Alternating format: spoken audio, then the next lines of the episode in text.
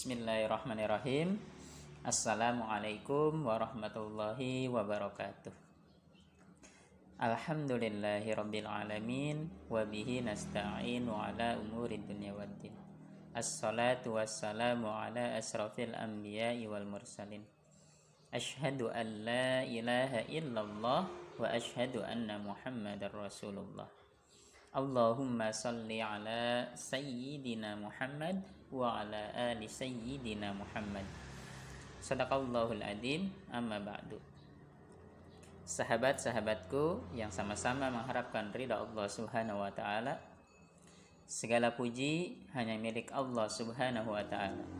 Segala zat yang maha ghafur, zat yang maha syukur yang telah memberikan beribu-ribu nikmat yang tidak terukur nikmat iman, nikmat Islam, sampai nikmat sehat walafiat sehingga kita bisa berkumpul di tempat yang insya Allah diberkahi oleh Allah Subhanahu wa taala. Amin. Amin ya rabbal alamin. Salawat serta salam semoga tercurah limpahkan kepada Nabi akhirul zaman. Seorang nabi yang lahirnya saja membuat goncangan alam semesta, membuat heboh para malaikat yang kalau bukan karenanya tidak akan Allah ciptakan alam semesta ini. Siapakah dia? Tidak lain dan tidak bukan yaitu Nabi Muhammad Sallallahu Alaihi Wasallam. Pada para keluarganya, sahabatnya, dan kita selaku umatnya yang mengikuti sunnah-sunnahnya, semoga mendapatkan syafaatnya di yaumil kiamah. Amin, amin ya rabbal alamin. Sahabat-sahabatku yang sama-sama mengharapkan ridha Allah Subhanahu wa taala. Alhamdulillahirabbil alamin pada pertemuan sebelumnya kita sudah membahas tentang pasal uzur sholat. Baik, untuk pertemuan kita di hari ini, insya Allah kita akan membahas tentang pasal syarat-syarat sahnya sholat. Baik, eh, langsung saja kita mulai mulai kita mulai kajian kita di hari ini. Bismillahirrahmanirrahim. Allahumma anfa'na bima 'allamtana ya arhamar rahimin. Rabbi jidni ilman warzuqni fahman waj'alni minas solihin. Amin ya rabbal alamin. Faslun pasal. Surutus salati samaniyatun. Toharatul hadasaini wat toharatu anin najasati. Fit taubi wal badani wal makani wasatrul aurati wastiqbalul kiblati wa dukhulul waqti Syarat-syarat sholat ada delapan, yaitu suci dari kedua hadas besar dan kecil, suci dari najis pada pakaian, badan, dan tempat sholatnya, menutup aurat, menghadap kiblat, dan masuk waktu sholat atau mengetahui waktunya. Sahabat-sahabatku yang sama-sama harapkan dari Allah swt wal ilmu bi fardiyatiha wa alla ya'takida fardon min furudiha sunnatan wajtinabul mubtilati al ahdasu isnani.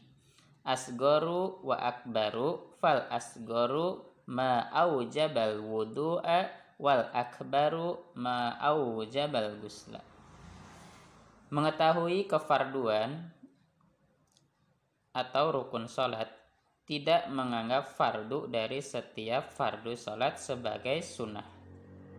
Harus mengerti dengan jelas antara yang fardu dengan yang sunnah.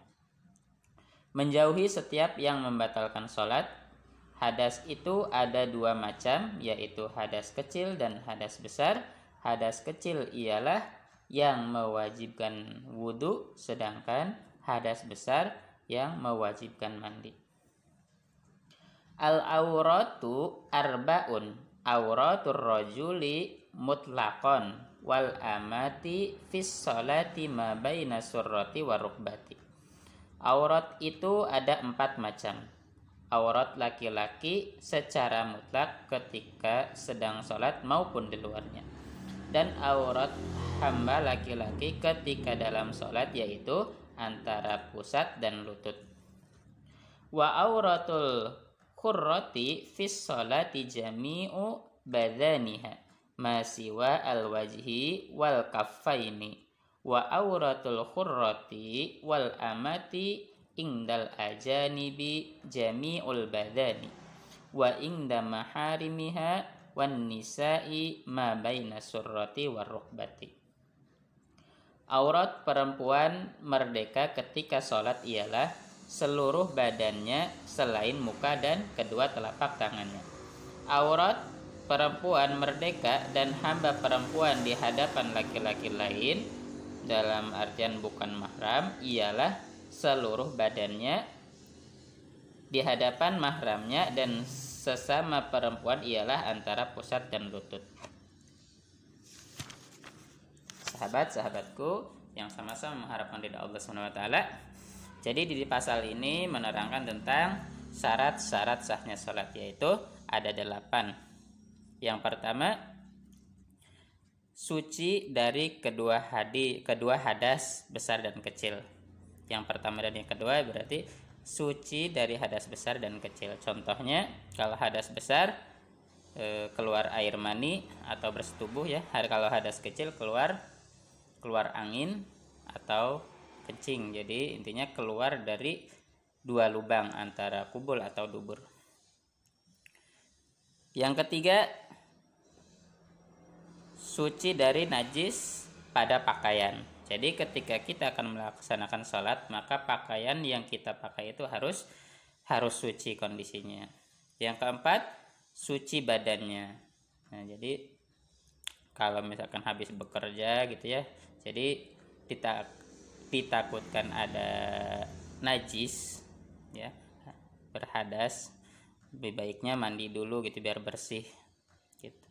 Terus yang kelima tempat sholatnya pun harus suci. Tidak boleh kita sholat di tempat yang tidak suci. Menutup aurat. Yang ke lima yang kelima menutup aurat